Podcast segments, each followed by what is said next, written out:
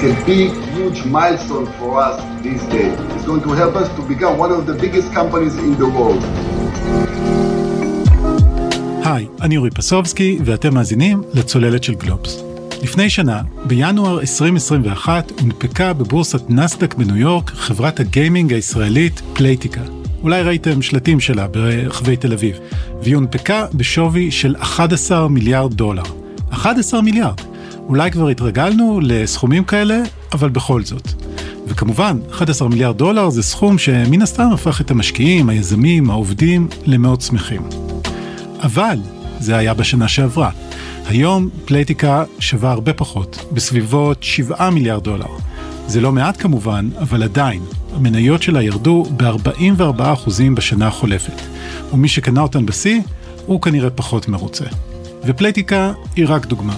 בשנה החולפת דיברנו וכתבנו לא מעט על ההצלחה של מניות הטכנולוגיה בזמן הקורונה, וספציפית על קדחת ההנפקות של החברות הישראליות. וזה היה נכון בחלק מהשנה ולגבי חלק מהחברות. אבל עכשיו, בתחילת 2022, המצב נראה יותר מורכב. אז איך מסכמים את שנת ההנפקות הסוערת של החברות הישראליות בוול סטריט, מה צפוי השנה, מה קרה לטרנד הלוהט של 2021, חברות הספאק, וכמובן, מה יהיה עם האופציות של העובדים. שלום לשירי חביב ולדהורן, כתבת שוק ההון של גלובס. שלום אורי. שירי, בואי נתחיל בתמונה הגדולה של מה שקרה בשנה שעברה. נדמה לי שהיא נפתחה ככה בסערה, אבל אחר כך העניינים טיפה הסתבכו.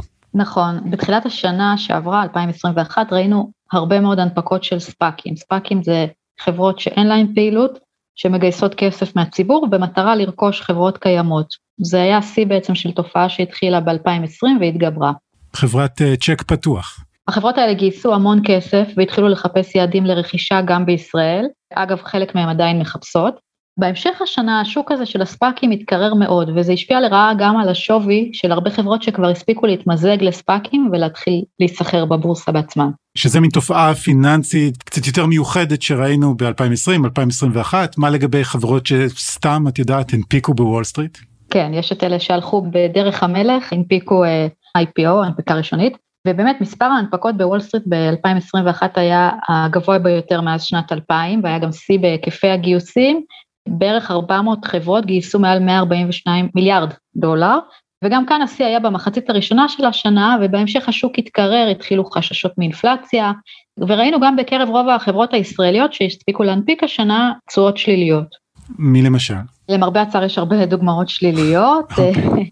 בתחום ההנפקות אה, שחברת טכנולוגיה שפועלת אה, בשוק האי-קומרס, הנפיקה בקיץ האחרון לפי שווי של אה, מעל שלושה מיליארד דולר, והיום היא נסחרת בשווי של מעל מיליארד דולר, איבדה חלק ניכר מהשווי שלה. שליש. כן, קלטורה שמספקת פתרונות וידאו גם איבדה מעל חצי מהשווי שלה מאז ההנפקה גם בקיץ, פלייטיקה שהזכרת קודם, לא מעט חברות. במיזוגים לספאקים המצב אפילו יותר עגום, יש חברות כמו טוקספייס שמספקת אה, טיפול נפשי וירטואלי, חברת האינשורטק היפו וחברת האוטוטק אוטונומו, שכל אחת מהן איבדה מעל 60% מהשווי מאז המיזוג.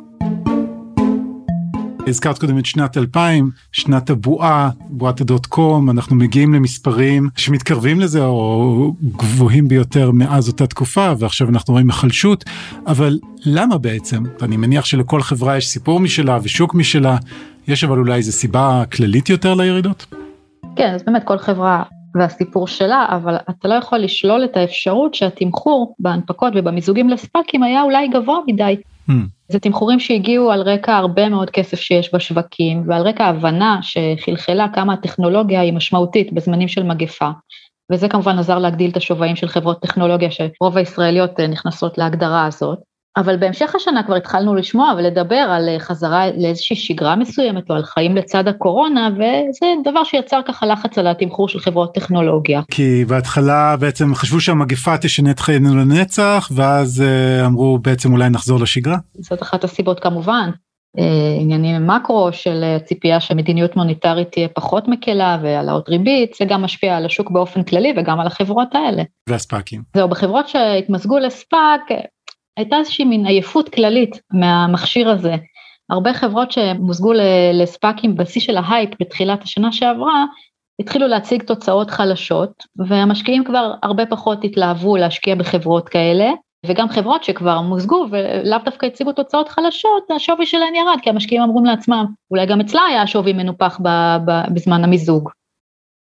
כל ירידות השווי האלה זה סיפור ישראלי כלומר אנחנו מדברים על הישראליות בוול סטריט אבל אולי יש פה משהו גדול יותר. כן זה לא בהכרח ישראלי אנחנו עוקבים אחרי הישראליות כי זה מה שמעניין אותנו כאן אבל נתונים שפרסמה לאחרונה חברת המחקר האמריקאית אה, רנסאנס שעוסקת בתחום הזה של IPO וספאקים הנתונים האלה הראו שבממוצע חברות שהנפיקו במהלך 2021 הניבו עד סוף השנה תשואה שלילית של כמעט 10 אחוזים כשבסקטור הטכנולוגיה התשואה הייתה שלילית אה, בגובה של 6 אחוזים. ובספאקים כמובן גם הייתה התקררות כללית כמו שאמרנו קודם. את יודעת אם לחזור שנייה לבועת הדוט קום יכול להיות שאנחנו רואים משהו דומה איזשהו קצת אה, האוויר מתחיל לצאת מהבועה.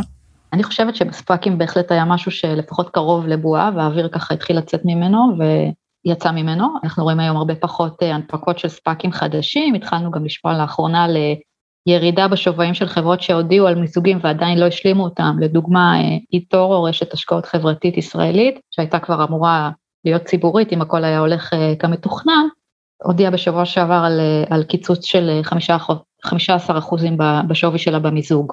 כלומר בעודנו מדברים השווי הולך ויורד אה, של ההנפקות של המיזוגים.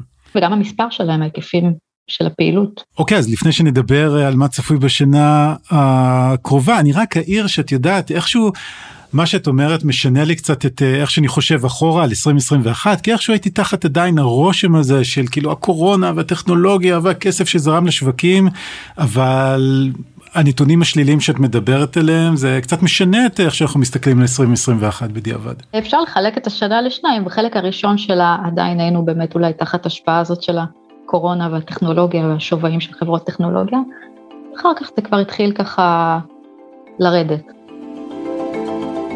אוקיי, okay, אז במבט קדימה, אה, בואי נדבר על הנפקות ב-2022, יש איזה צפי בשוק? יש קונצנזוס שמה שהיה ב-2021 הוא לא, לא אמור לחזור.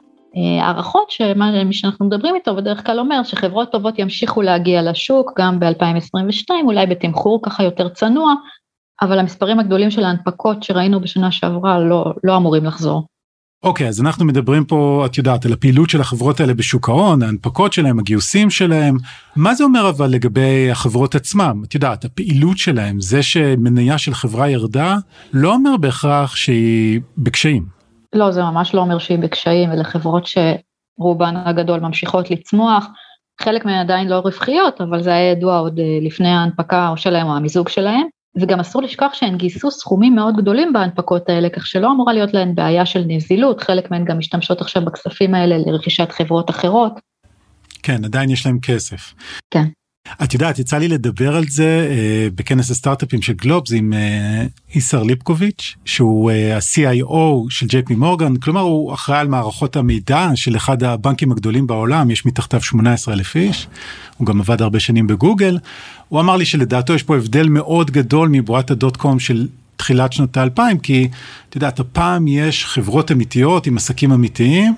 אולי נסחפו קצת עם אה, הערכות השווי שלהם, אבל החברות עצמן הן לא מופרכות, הטכנולוגיה יותר בשלה, וגם אם השווי שלהם ירד קצת, בעתיד הם עוד ידביקו את הפער ויצדיקו את עצמם.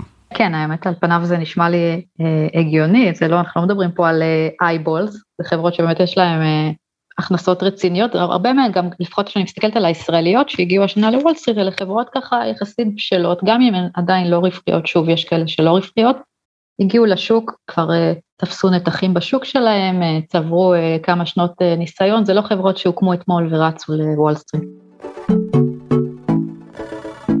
לקינוח בואי נדבר על נושא שהעסיק הרבה את העובדים בחברות הייטק וגם אנשים מחוץ לתעשייה, האופציות של העובדים, נושא שכתבת עליו לא מעט בשנה הזאתי.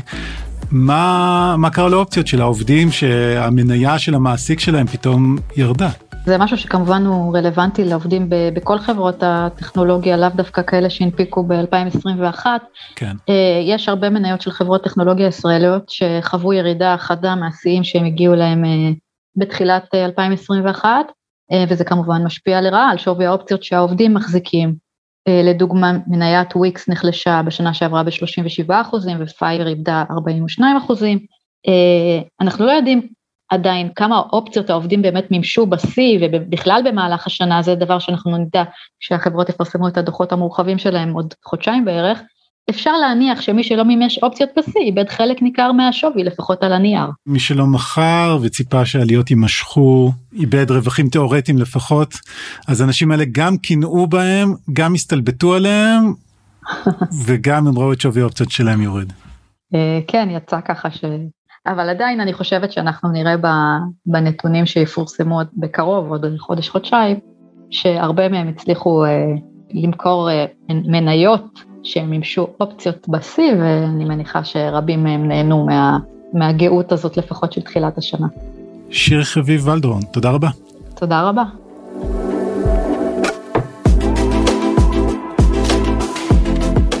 אוקיי, okay, אז ראינו ירידות בלא מעט מהחברות שהספיקו להנפיק או להתמזג לספאק בשנה החולפת, כלומר חברות שהפכו לחברות ציבוריות.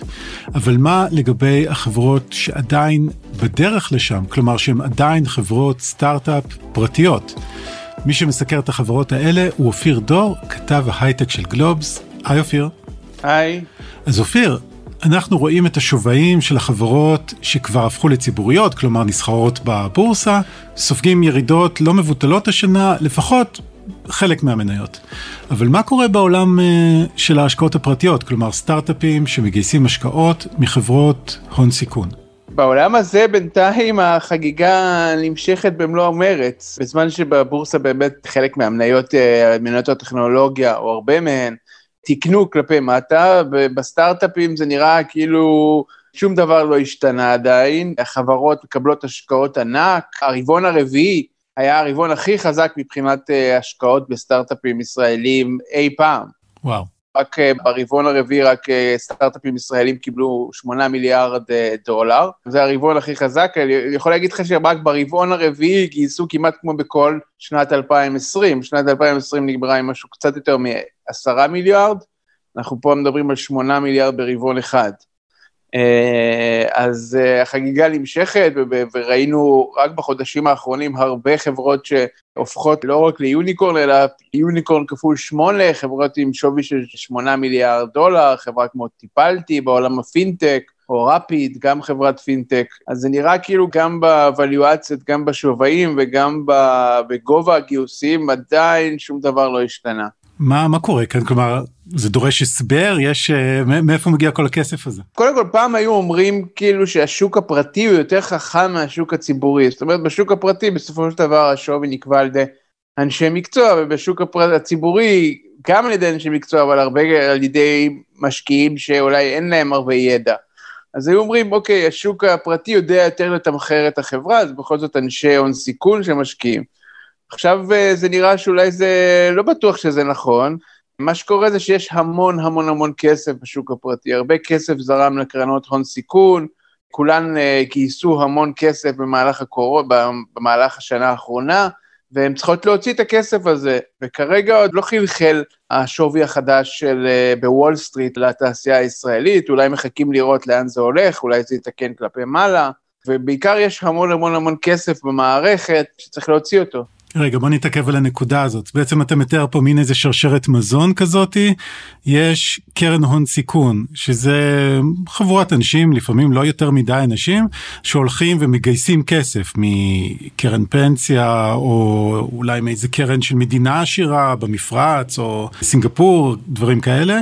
ואז יש להם הרבה כסף והם צריכים להשקיע אותו בחברות. אז הם מגיעים גם לישראל ואומרים בוא נשקיע בחברות פה כסף. אני מקווה שתיארתי את זה נכון. נכון. זה תיאור מדויק, מקבלים מהרבה גופים אה, שרוצים שיהיה בעצם לקבל תשואה לא רעה. עכשיו במהלך אה, הרבה שנים קרן הון סיכון, גם אחרי בועת הדוט קום וגם בבועת הדוט קום בוודאות ואחר כך גם, נחשבה לאיזה השקעה שכאילו לגוון את התיק שלך, אבל לא הדבר המרכזי, זאת אומרת לא משהו יציב, שייתן לך תשואה מאוד מאוד טובה.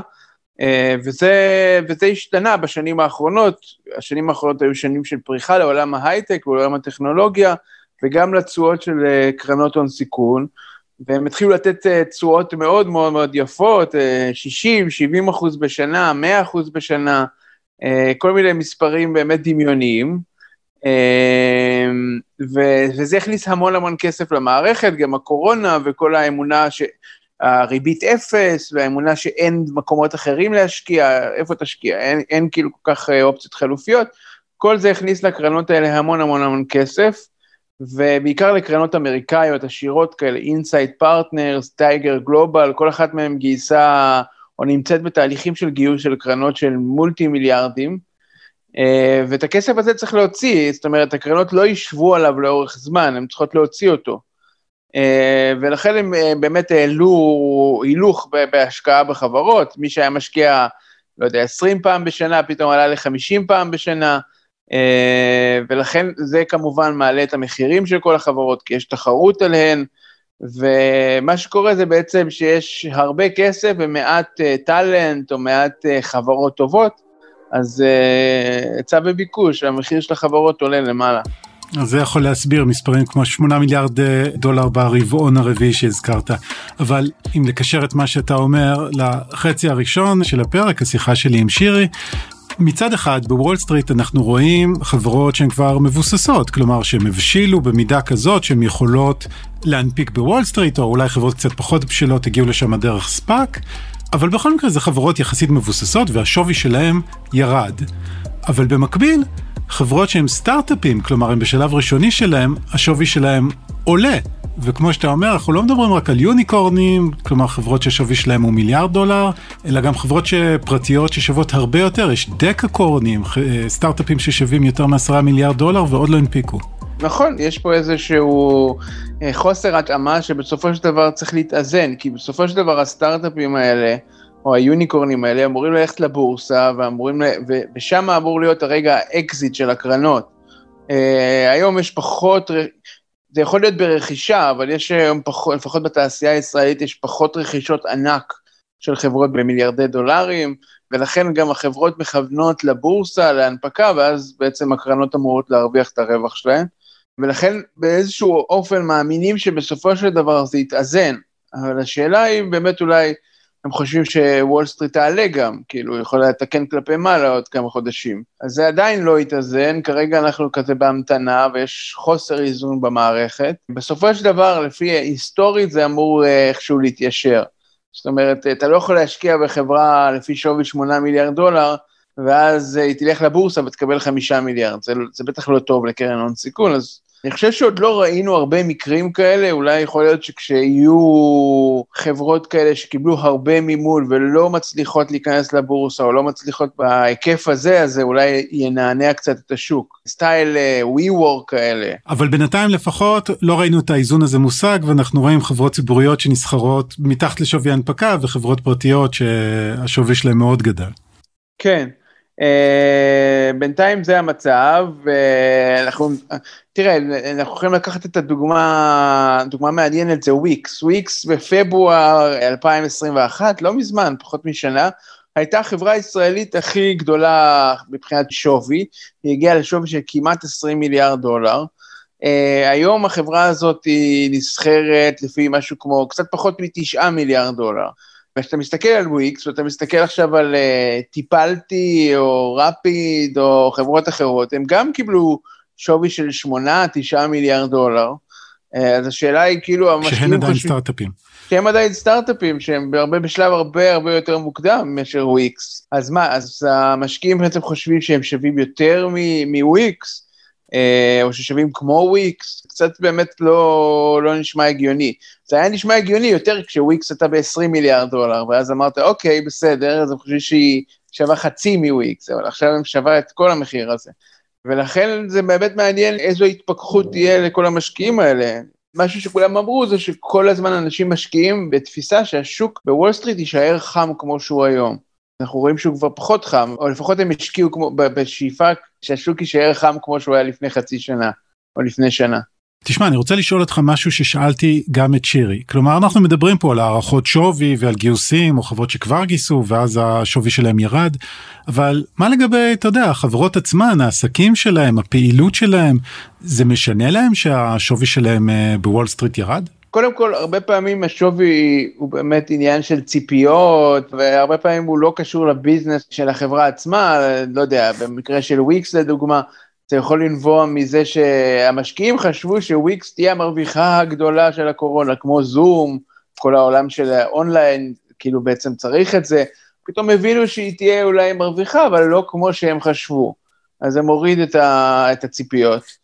זה לא אומר שקרה משהו להכנסות של החברה, אבל זה, זה מוריד את הציפיות אולי הלא ריאליות שלפעמים שמו על החברה הזאת. אז זה דבר אחד. דבר שני, הרבה פעמים החברות לקחו המון המון כסף כבר בשנה האחרונה, כל החברות שהונפקו השנה, גם בספאק, גם בהנפקה רגילה, קיבלו הרבה מאוד כסף בהנפקות האלה, וזה נותן להם הרבה runway להמשך, אז מהבחינה הזאת זה לא, לא צריך להדאיג אותם. אבל כמובן, כמובן, זה לא כיף לחברה, וזה לא טוב לחברה שהיא נסחרת בשווי נמוך. זה לא טוב לה בלנסות לגייס עובדים, שחושבים שהחברה פחות מצליחה, שחושבים שהחברה, אולי האופציות שהם יקבלו לא יהיו שוות כל כך הרבה. זה לא טוב לתדמית שלה, במיוחד כשיש מסביב חברות אחרות שמצליחות. אז בסופו של דבר זה כן יפגע בהם, אבל עוד מוקדם לדעת. זאת אומרת, אה, אם זה ימשיך ככה עוד הרבה זמן, אז אה, כנראה כן יפגע בהם. כי לעובדים בהייטק, להבדיל אולי מעובדים בחברות, בשאר הכלכלה, כל הסיפור של כמה החברה שלהם נסחרת בשוק ההון הוא כן משמעותי, כי יש להם אופציות בחברה. וגם בניגוד לשאר חלקי החברה, יש להם יותר בחירה, בוא נגיד. אם אתה שומע דיונים של אנשי הייטק, אז הם אה, מדברים הרבה פעמים על מה, איפה יהיה לי יותר אפסייד ואיפה אני יכול להרוויח יותר. אה, בחלקים אחרים פשוט מחפשים עבודה.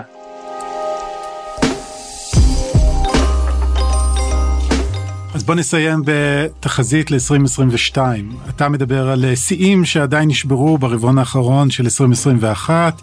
בנסדק ראינו שכבר באמצע 2021 העניינים התחילו להתקרר. מה אומרים בתעשייה על השנה הקרובה, איך היא תיראה? אתה יכול לשמוע דעות מגוונות בין אנשים שבאמת אומרים שאנחנו נמצאים בבועה שתתפוצץ כמו הדוט קום וזה ייגמר רע.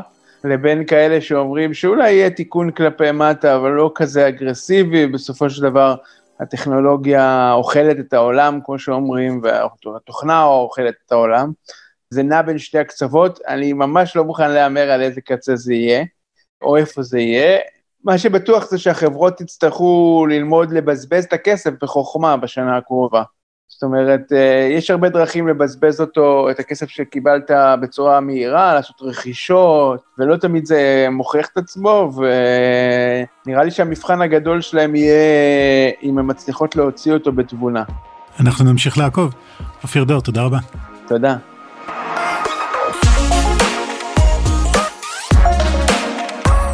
עד כאן עוד פרק של הצוללת. אתם מוזמנים כתמיד לעקוב אחרינו באפליקציית הפודקאסטים המועדפת עליכם, לדרג אותנו גבוה וגם לשלוח את הפרק לחברה או חבר שתוהים האם יש כאן בועה. קטעי הסאונד בתחילת הפרק נלקחו מערוץ הטוויטר של בורסת נסדק. תודה לעורך הסאונד ניר לייסט, הילה וייסברג היא עורכת הפודקאסטים של גלובס, אני אורי פסובסקי, להתראות.